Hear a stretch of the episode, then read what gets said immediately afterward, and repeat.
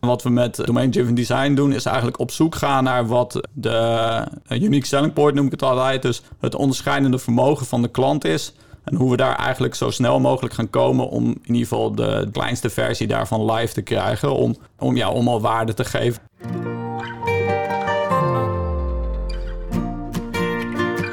Welkom bij onze podcast, Expeditie Application Services.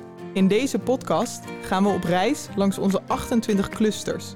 We ontmoeten gepassioneerde experts en praten over hun succesverhalen, uitdagingen, trends en toekomstvisies.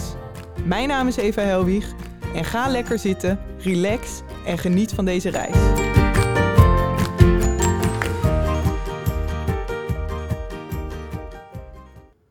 Welkom Vincent Keizer. Dankjewel. Leuk dat je er bent. Eh, nieuwe aflevering van onze podcast Expeditie Application Services. En jij bent full stack web developer, correct? Ja, dat klopt. Binnen de Microsoft technologie? Ja, met een uh, extra focus op de cloud eigenlijk. Oh, met een extra focus op de cloud. Oké, Ja. super. Ehm, en daarnaast ben je bekend of ben je een groot voorstander van domain-driven design. En daar gaan we het in deze podcast over hebben. Alleen voordat we beginnen wil ik graag een aantal eh, dilemma's aan je voorleggen. Nou, kom erop. In de stad of in de natuur? In de natuur, die is makkelijk. Ja? Ja. Waarom is het makkelijk? Ehm, omdat je daar, eh, of in ieder geval ik kan daar eh, mijn rust vinden. En ik merk dat ik me daar weer helemaal kan opladen. En de stad is eigenlijk net even te druk voor mij. Toch wel lang in Utrecht gewoond, toch? Heel lang, ja. Ja. ja. En ook geen spijt van. Maar Nu tijd om richting de bossen te vertrekken. klopt. Oké. Eh, IT of fotografie? IT, denk ik. Ja? Die is, ja, ja, Deze is moeilijker. ja, want fotografie is een grote hobby voor mij. eh, maar wel echt strikt een hobby. Ik zou er nooit mijn geld mee willen verdienen. En eh, dat doe ik liever in de IT. Oké. Kun je nog iets... tijdens ons vorige gesprek vertelde je dat je op vakantie... Nou ja, wat heb je anders mee dan kleren? Oh, dat is een leuke vraag. Ehm, ik heb eigenlijk alleen maar cameraapparatuur mee. Ik heb meer cameraapparatuur dan, eh, dan kleren bij me. Ja, heerlijk. 8 kilo. Of is het Ja. meer? Nou, misschien nu tegenwoordig wel meer, maar eh, Want hoeveel lenzen zitten er dan in, in je tas? zoveel mogelijk. Het is gewoon proppen en eh, als er nog ergens een plekje is, gaat er nog een extra lens mee. Wat goed. Kleine of grote klanten? Nee, ik ben eigenlijk eh, bij Capgemini gaan solliciteren omdat ik graag voor grote bedrijven wou werken. Eh, maar kleine klanten zijn ook wel heel interessant, omdat je dan eh, ja, ook veel meer de focus krijgt op, eh, nou, op waarde leveren. Omdat nou, kleine klanten hebben vaak een beperkte budget. Mhm. En dan moet gewoon elke euro moet, moet verstandig besteed worden. Dat heb je bij wat grotere klanten. Ja, is die essentie er vaak wat minder. Terwijl Ja. het nog steeds eigenlijk belangrijk is. Maar je gaan we merkt het ook al. over hebben, hè? Ja, zeker. Dat zal waarschijnlijk aan bod komen. Ja. Oké, en de grote klanten, wat maakt dat leuk? Eh, vaak is daar het domein veel complexer. Omdat er veel meer in gebeurt, is het een complexer domein. En eh, daar komt eh domain-driven design beter tot zijn recht. Ah, super. Nou, daar Ja. gaan we het over hebben. Leuk.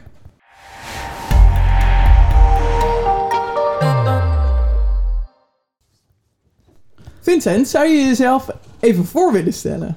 Wie ben je en wat doe je? Ik ben eh, Vincent Keizer. Nou, ik werk dus bij eh, Capgemini, bij het Microsoft Cluster. Ehm, daar focus ik me voornamelijk op, eh, nou, op complexe projecten. Ehm, van de overheid tot retail eigenlijk. ja, het kan van alles zijn. Ja, En binnen Microsoft zelf focus ik me dan voornamelijk op domain-driven design. En dat is eigenlijk om de puzzel op te lossen hoe we grote applicaties kunnen onderdelen of ja, onderverdelen naar kleinere eh, puzzelstukjes als het ware. oké, leuk. En dat doe je bij verschillende klanten in verschillende sectoren. Ja, klopt Oké. helemaal. Tof. Ehm, wat is dat domain-driven design? Want je legt het nu al een klein beetje uit. Grotere onderdelen of grote applicaties onderverdelen. Wat kan je er nog meer over vertellen?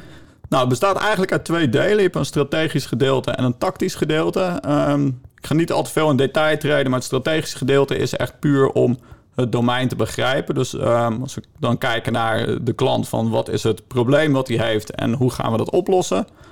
Ehm, en dan zijn we vooral op zoek naar eh, iedereen eigenlijk op dezelfde eh, golflengte krijgen. Dat Mhm. klinkt alsof het heel logisch is, maar wat ik vaak merk bij klanten is dat iedereen denkt dat ze op dezelfde golflengte zitten, maar als je daarmee aan de gang gaat, dat je erachter komt uh, dat iedereen toch zijn eigen gedachten erover heeft en zijn eigen oplossing zou willen. Dus daar is het heel handig voor om uh, nou, expliciet duidelijk te krijgen uh, welk probleem we gaan tackelen. En dan heb ik het niet over hoe we het gaan oplossen, maar dat we gewoon überhaupt duidelijk krijgen wat het probleem is en hoe we dat opgelost zouden willen zien. Ja, de uitgangspositie. Wat is een, kan je een voorbeeld van zo'n probleem beschrijven? Ja, zeker. Want nou, uiteindelijk heeft elke klant zijn eigen probleem. Dus eigenlijk zijn eigen domein waarin die werkt. En wat we met domain-driven design doen, is eigenlijk op zoek gaan naar wat de uh, unique selling point noem ik het altijd. Dus het onderscheidende vermogen van de klant is. En hoe we daar eigenlijk zo snel mogelijk gaan komen om in ieder geval de kleinste versie daarvan live te krijgen. Om, om, ja, om al waarde te geven, zodat nou, wat we bouwen al gaat renderen voor de klant. Ja. Dus dat is voornamelijk de zoektocht uh, die en, wij doen. En voor zo'n retail klant, wat, wat zou zo'n probleem kunnen zijn? Nou, als je bijvoorbeeld hebt over een webshop, dan uh, zou het ook kunnen zijn: ik wil een order kunnen plaatsen. Dus uh, een product kunnen bestellen en dit af kunnen handelen. Ja. Eigenlijk naar op zoek wat is de kleinste flow die je nodig hebt om dat probleem op te lossen. Ja, oké. Oh, dat is wel een goeie. Dus op zoek naar de kleinste flow om uiteindelijk uh, nou ja, zo snel mogelijk een, een, klant iets te laten bestellen. Ja, en dat kan een hele primitieve flow zijn, maar je moet wel alle blokjes gehad hebben om van A naar naar de laatste stap te komen. Oké, nou dan snap ik een probleem. Um, kun je dan nog meer vertellen over domain-driven design? Um, nou, het andere punt is wat je tijdens die, die ontdekkingsfase doet, is eigenlijk een gezamenlijke taal uh, proberen vast te stellen. Dus dat iedereen dezelfde uh, begrippen gebruikt. En dat doe je eigenlijk over alle, alle linies heen. Dus vanaf uh, de directeur tot een business analyst tot een developer. Die moeten eigenlijk het domein allemaal goed begrijpen en weten wat er met de termen bedoeld worden. Ja. Want de bedoeling is eigenlijk dat dat op alle lagen dan gesproken wordt en iedereen elkaar zo, zo goed mogelijk kan vinden. En precies weet waar ze het over hebben als een van die termen aangehaald worden. In hoeverre is dit een voorwaarde voor het succes van domain-driven design? In mijn ogen is dit, nou, of je domain-driven design gebruikt of niet, is dit altijd heel erg belangrijk in een project. Ik zie dit heel vaak terugkomen dat als je met een developer praat, dat zij het over A hebben. En als je dan over met de business analyst uh, praat, hebben we het over B. En de directeur denkt dat het C heet. En iedereen moet maar die vertaalslagen in hun hoofd maken. Ja. Um, ja, dat is gewoon een nadeel. En dat kost gewoon tijd en effort. En dat wil je eigenlijk gewoon minimaliseren. Oké, en hoe komen we tot zo'n uh, gemeenschappelijke taal? Een techniek die daar veel wordt gebruikt wordt eventstorming genoemd. En dat is eigenlijk dat je met z'n allen bij een whiteboard gaat staan met een bak stickies. En daarmee ga je dus die, die flow waar we het net over hadden eigenlijk helemaal uittekenen. En mhm. iedereen maakt erin zijn eigen flow. En de stap daarna is dat je eigenlijk met z'n allen gezamenlijk één flow gaat uh, uh, tot, een, ja, tot overeenkomst gaat komen voor één flow. En mhm. dat is vaak de fase waarin die taal uh, duidelijk wordt. Want dan zie je ook dat iedereen hetzelfde bedoelt, maar met een andere, andere term. En ja, de doelstelling is dus dat er één flow uitkomt. Dus daar moet dan een discussie op gang komen met wat is nou de juiste term. Ja. Uh, zodra die term dan uh, bedacht is, dan is het ook de bedoeling dat iedereen zich daaraan gaat houden en aan gaat uh, conformeren. Oh ja, dus als ik opeens toch een andere term gebruik, dan word ik even op mijn vingers getikt. Van hé, hey, dit is niet wat we hebben afgesproken, we gaan weer terug naar die gemeenschappelijke taal en vanuit daar verder. Ja, zeker. Oké, okay. en um, hoe lang duurt het voordat er zo'n gemeenschappelijke taal neergezet is. Nou, dat is wel uh, interessant. Ik heb dit uh, ooit eens bij een, uh, bij een klant van mij gedaan, zo'n zo'n sessie. En nou, dat project was al een aantal jaar gaande. Dan zou je denken, nou, dan zit iedereen wel op één lijn en iedereen spreekt dezelfde taal. Um, dat dacht iedereen ook die in die meeting zat. Dus het werd eerst van, ja, waarom moeten we dit nou doen? We hebben dit al zo vaak gedaan. Beetje weerstand. Ja, precies. En toen we eenmaal waren begonnen, kwam iedereen toch al vrij snel achter... dat iedereen een compleet andere gedachte had en compleet andere termen uh, gebruikt daarvoor. En toen we, nou ja, toen we daarmee bezig waren, kwamen we erachter dat we na, na vier uur hadden we eigenlijk nog steeds uh, niet eens één, één flow uitgewerkt. Oké. En dat heeft dus ook dagen geduurd voordat iedereen echt nou ja, ook met elkaar eens was over wat er nou gebouwd moest worden, wat het probleem was en wat we gingen oplossen.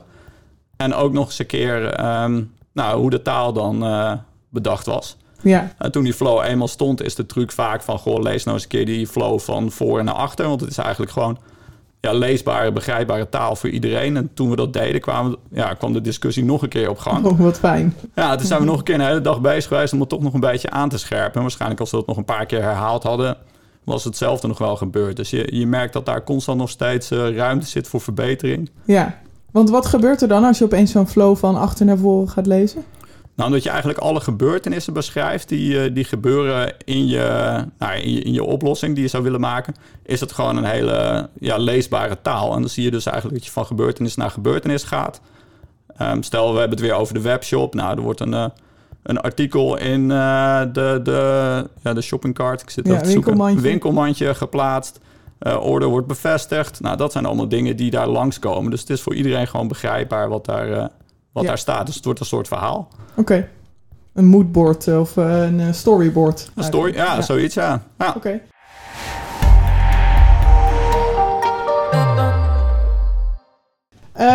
En dan hebben we dus de taal en we hebben de flow. De, de, kleine, de, de kleinste flow noem je het al, hè? Uh, waarmee je waarde uiteindelijk kan gaan leveren. Ja. ja, je kan die flows op verschillende niveaus hebben ook. Je begint okay. eigenlijk dus eerst meer hoog over, maar je zou het zelfs op een feature uh, ook nog kunnen gebruiken. Dus als je echt een klein stukje functionaliteit gaat bouwen, dan zou je die flow daar ook voor kunnen gebruiken. Alleen dan is uh, de aantal mensen die dan uh, bij, die, uh, bij die meeting aanwezig zijn, zijn wat, wat beperkt. Dan heb je vaak alleen het team wat daadwerkelijk die feature gaat bouwen die aanwezig is.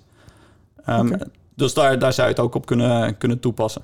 De, dat zijn dus de flows bepalen op verschillende niveaus. Je hebt verschillende stakeholders die bij, daarbij aanwezig zijn. Ja, zeker. Als je domain-driven design wil implementeren, moet je dat dan op al die niveaus doen?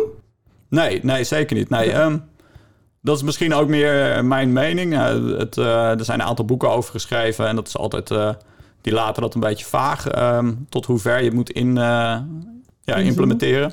En ik denk dat je daar ook gewoon kritisch naar moet kijken. Want de, de, focus moet altijd liggen op waarde leveren voor de klant. En de vraag is dan, ehm, ja, levert dit waarde op of zijn we het nu onnodig complex aan het maken? Want Domain Driven Design heeft ook een aantal bouwstenen bedacht over hoe je het daadwerkelijk moet implementeren. Uh, maar dat heeft alleen zin als je dus echt daar waarde mee oplevert. En dat is vaak bij complexe domeinen zo. Mm-hmm. Is je domein niet zo complex, zou ik het gewoon ook zeker niet doen. Want dan ben je meer complexiteit erdoor aan het uh, introduceren dan, okay. dan dat het echt iets oplevert. Dus vandaar dat het ook interessant is om dit bij de grote spelers of de grote klanten met grote IT. Uh, ja. ja, zeker. En die, die, die, die fase over het ontdekken van het, het probleem en de oplossing, dat zou ik eigenlijk overal wel aanraden. Mm-hmm. Um, nou, dan komt daar een resultaat uit. En aan de hand van dat resultaat zou ik dan gaan uh, afwegen of je ook daadwerkelijk uh, DDD gaat toepassen bij uh, nou, het niveau van de developers. Oké. Okay.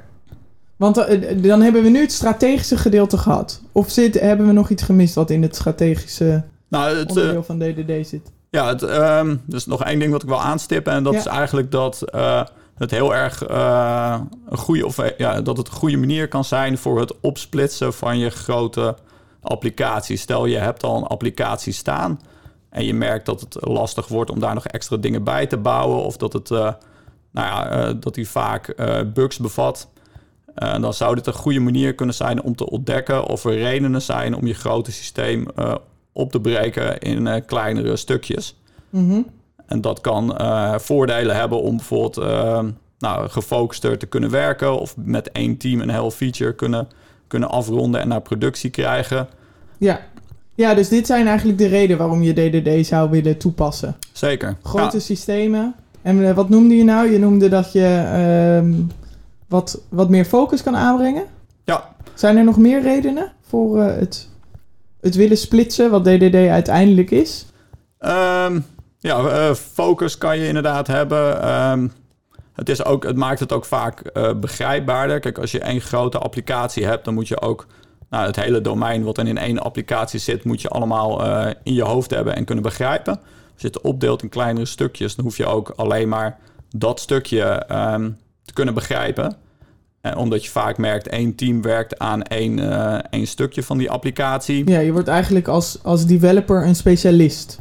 Een bepaald stukje van het. Uh, van Zeker, het ja. En dat stukje heeft dan ook bijvoorbeeld eh, zijn eigen taal. Dus die taal kan verschillen per stukje. Dat is ook vaak een reden dat je ziet in, uh, in DDD dat je iets gaat opknippen. Omdat je merkt, oh, de taal is anders. Dus we zitten eigenlijk in een ander stukje domein. En om dat, ehm, nou, de code zo simpel mogelijk te houden, trekken we dat bewust uit elkaar. En dan bedoel je nu niet de business taal, want die hebben we gelijk getrokken, maar de taal van uh, een Java. Een nou, die, die, taal komt ook terug in je code als je het goed doet. Dus elke business term vertaalt zich echt op een gegeven moment naar code. Oké. En dat is ook puur om, uh, nou, stel dat de business een wijziging wil, we willen een wijziging in A. Nou, dat stukje A zit ook gewoon echt zo uh, als exact hetzelfde in je code. Dus je weet ook precies waar je die wijziging op moet toepassen. Oh, dus dat is voor de business ook nog handig om het te kunnen lezen, als het ware.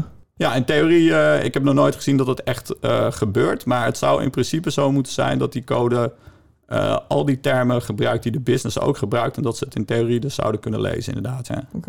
Okay. in theorie.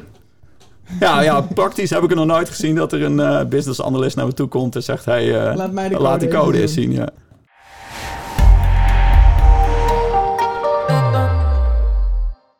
Oké, okay, dan het andere deel. We hebben nu het strategische besproken. Wat is het andere deel?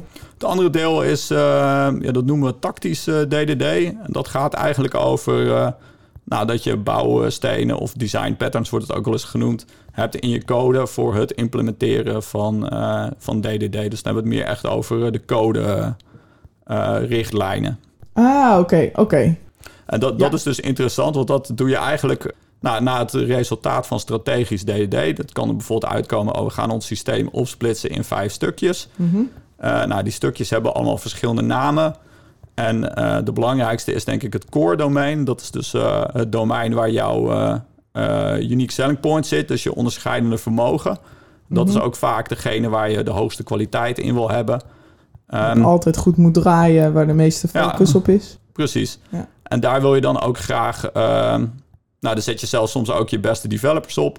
En daar zie je ook vaak dat tactisch DDD ook uh, toegepast wordt, omdat dat ook uh, kwaliteitsverhogende maatregelen zijn. En het kan dus ook zijn bij uh, nou, stukjes domein die niet zo interessant zijn, dat je denkt, nou hier doe ik het niet. Ik heb dit wel nodig, maar het is niet cruciaal voor mijn business. Dus de kwaliteit mag wat lager zijn, want dat stop ik liever in mijn core domein. Uh, en dan kan je ervoor kiezen om bijvoorbeeld geen tactisch DDD uh, daar uh, toe te passen. Oké. Okay. En je kan zelfs over sommige stukjes denken van...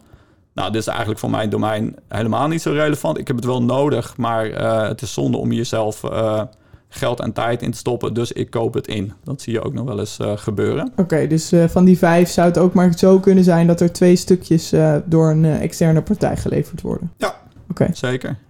Oké, okay, en hoe gaat dat tactische domain-driven design dan in zijn werk? Nou, als je eenmaal duidelijk hebt um, hoe je je systeem opgedeeld hebt en je gaat in een van die stukjes uh, ga je aan het werk, dan kan je aan de hand van de, de richtlijnen die tactisch DDD zet, um, daar eigenlijk uh, alles wat je ontdekt hebt in het strategische gedeelte uh, echt fysiek gaan implementeren. Dus die taal en de termen? Ja, correct. Ja. Okay. Ik denk dat het voor de rest te technisch is om daar verder op in te gaan.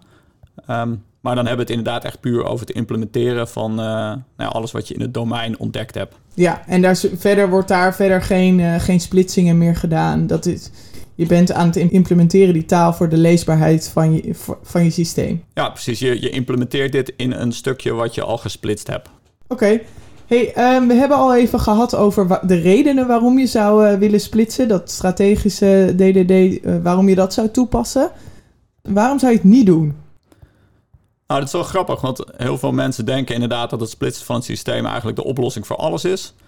Um, ik ben daar zelf iets terughoudend in. Ik denk dat uh, als je geen reden hebt om te splitsen, dan is het ook prima om je applicatie gewoon als één uh, geheel uh, te houden. Een grote blok. Ja, want des te langer je dat vol kan houden, des te meer informatie heb je over je systeem en kan je eigenlijk de betere plekken vinden om te splitsen.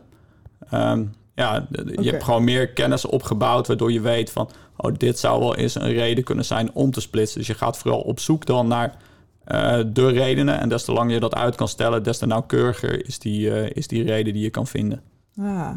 Ja, dus een systeem groeit. Als we het even hebben over kleine klanten die grote klanten worden, dan in die transitie uh, worden hun systemen natuurlijk ook steeds groter. Maar als je vanaf het begin al gesplitst hebt, dan ben je misschien wel te vroeg. Is dat hoe je het kan zien? Nou, het, het is een risico om um, te vroeg te splitsen. Want als je op een verkeerde plek je splitsing legt, krijg je er meer pijn van dan dat het je echt iets gaat opleveren. Omdat um, nou, elke splitsing die je doet, uh, introduceert ook weer complexiteit. En dat kan prima zijn. Maar als die op de verkeerde plek ligt, krijg je eigenlijk te veel complexiteit voor wat het oplost. Ja. En dan kan je de, bijvoorbeeld een mooi uh, idee is om dan je applicatie nog één geheel te houden, maar dat je als het ware een soort fictieve splitsingen aanlegt in die applicatie. Zodat je al een beetje voorbereidend werk doet voor het splitsen, maar je maakt nog niet echt fysiek die splitsing. Uh, dan is het ook makkelijker om die, uh, die lijn waar je dus je puzzelstukje zou willen knippen, nog iets op te schuiven. Ah, oké. Okay. Omdat dat, uh, nou ja, het is nog een één applicatie. Dan is het veel goedkoper om dat, om dat lijntje nog een beetje op te schuiven. Dus het is een test, een, een testknip. Ja, zo zou je het misschien kunnen zien. Je, je zet eigenlijk met potlood alvast een lijntje van hier zou ik kunnen, kunnen gaan splitsen. Ja. En nou ja, dat lijntje kan je ook nog even uitgummen en op een andere plek tekenen. Want stel je hebt wel al geknipt en er zijn twee verschillende onderdelen, misschien wel zes, maar kan je nog terug? Wat ik uit de praktijk merk is, um, je voelt heel snel wanneer, wanneer je verkeerd geknipt hebt. Uh, vaak ben je dan niet meer als team in staat om één feature in je eentje te maken. Je hebt dan meerdere teams nodig om één feature uh, te bouwen. Je hebt heel veel afhankelijkheid tussen verschillende stukjes. Wat je juist niet wilde. Ja, precies. Ja. En, en dan merk je ook, ik heb verkeerd geknipt. Maar om dat dan samen weer te gaan voegen, dat is best wel een, een, ja, een flinke transitie. Mm -hmm. Vaak heeft het ook weer met teams te maken en verantwoordelijkheden.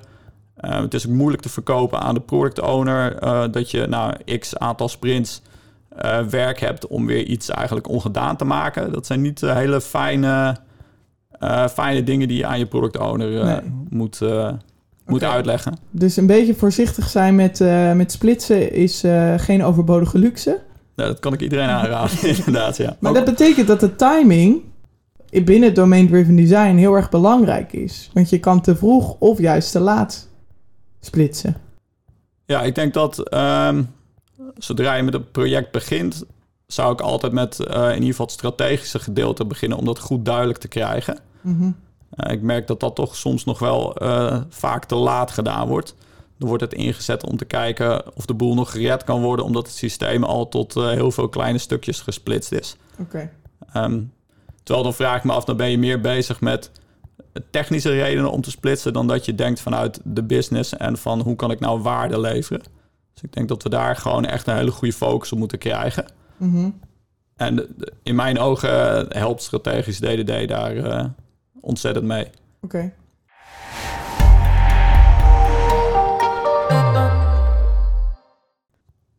Je noemt net soms zijn er, tacti of zijn er technische redenen waarom er gesplitst wordt. Terwijl eigenlijk je vanuit de business moet kijken waarom je splitst. Kun je dat nog verder toelichten? Die businesswaarde versus nou ja, de architectuur en de technologie. Ja, er is um, zeker, nou ja, microservices bestaat nu een x aantal jaar en dan zien we ook echt een golf. Uh, microservices zijn overigens de term die ja. gebruikt wordt voor het opsplitsen van je systeem. Dus eigenlijk van één groot systeem allemaal kleine puzzelstukjes maken. Mm -hmm. Um, daar is een golf, uh, ja, je ziet daar echt een golf als, uh, als transitie. Eerst dacht iedereen, oh ja, we zien heel veel voordelen van microservices, dus we gaan dit opsplitsen tot uh, zo klein mogelijke stukjes. Want dan heb je echt nou ja, dat stukje helemaal geïsoleerd en dan doet maar één ding, dat is goed. Ja. nou, toen kwamen we erachter, oh, daarmee introduceren we echt heel veel complexiteit, zoals nou, al die stukjes moeten ook weer in elkaar passen en met elkaar kunnen praten. Nou, dat moet ook allemaal uh, gebouwd worden. Stel je maakt een wijziging in stukje A, dan moet dat ook weer bij stukje B aangepast worden. Um, ja, dat is allemaal, uh, allemaal effort en werk wat, uh, wat gedaan moet worden. Mm -hmm. dus er is nu weer een beetje een transitie gaande van... goh, laten we die stukjes toch maar niet zo, zo klein, klein, maken. Ja. En zorgen dat die stukjes weer, weer wat groter worden. Ja. Um, en dat, dat, daar zie je de transitie meer naar hoe kijkt de business daarnaar? Dus welke stukken definieert eigenlijk de business als losse, losse afdelingen bijvoorbeeld? En we proberen weer wat meer die richting op te gaan. Dat het daar weer wat meer mee in één lijn uh, ligt. In plaats van dat we gewoon technisch kijken hoe klein kunnen hoe we die stukjes maken. maken. Ja. Oh ja, ik uh, zie het al helemaal voor me. Dat je straks een puzzelstukje, een puzzel hebt met 5000 stukjes. Terwijl het er ook maar 1000 hadden kunnen zijn. Ja, dan zie je dat een puzzel leggen met 1000 stukjes aanzienlijk makkelijker is dan, uh, dan met 5000. Oké, okay.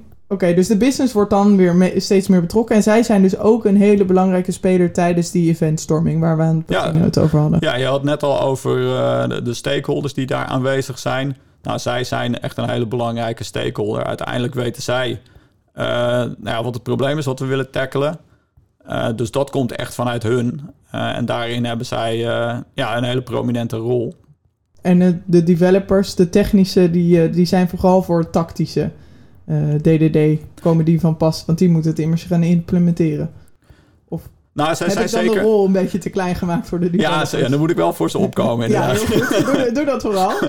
nee, zij zijn ook uh, belangrijk van, uh, zeker bij het strategische stuk, ook omdat zij wel de input kunnen leveren wat uh, bijvoorbeeld technisch belangrijk is in het domein. Het is niet alleen maar business, natuurlijk zijn er ook technische aspecten, zoals voor sommige bedrijven is security heel belangrijk. Denk aan dingen van de overheid. Um, dat verwacht ik dat dat vanuit de technische hoek aangedragen wordt. Uh, dus zij moeten zeker een rol spelen tijdens het, uh, het ontdekken van het uh, domein en welke problemen er allemaal spelen. Okay. Want bijvoorbeeld security zou ook een reden kunnen zijn om een stukje op te splitsen. Ah, dat je weet, dit stuk moet extra beveiligd zijn, dus daarom trek ik dit los, zodat ik daar andere, nou, andere security regels op kan toepassen. Oh ja, oké, dus, dus niet alleen maar op de functionaliteit, maar ook op security performance. Performance zou ook kunnen, inderdaad. Ja, als je weet dat uh, als bijvoorbeeld naar een streamingdienst kijken, zou je een stukje over um, bijvoorbeeld Spotify. Ik verwacht dat hun, uh, hun stukje wat de streaming regelt, dat dat ook losgetrokken is. Omdat nou, dat, dat zal een veel grotere performance aan moeten dan dat je bijvoorbeeld het stukje hebt waarin je door uh, alle liedjes kan browsen die er zijn. Oh ja, ja. Oké, oké, interessant. Waarop je allemaal je, je puzzels kan maken. Het zijn puzzels in puzzels, zie ik ook een beetje nu. Um, nou, een puzzel met verschillende aspecten. Je kan er op verschillende manieren naar kijken, inderdaad. Een 3D-puzzel eigenlijk. Een 3D-puzzel. Misschien is dat wel beter. Maar het moet wel uiteindelijk één uh, geheel worden. Oké. Is er nog iets wat jij kwijt wil over domain-driven design, wat we nu nog niet hebben aangestipt?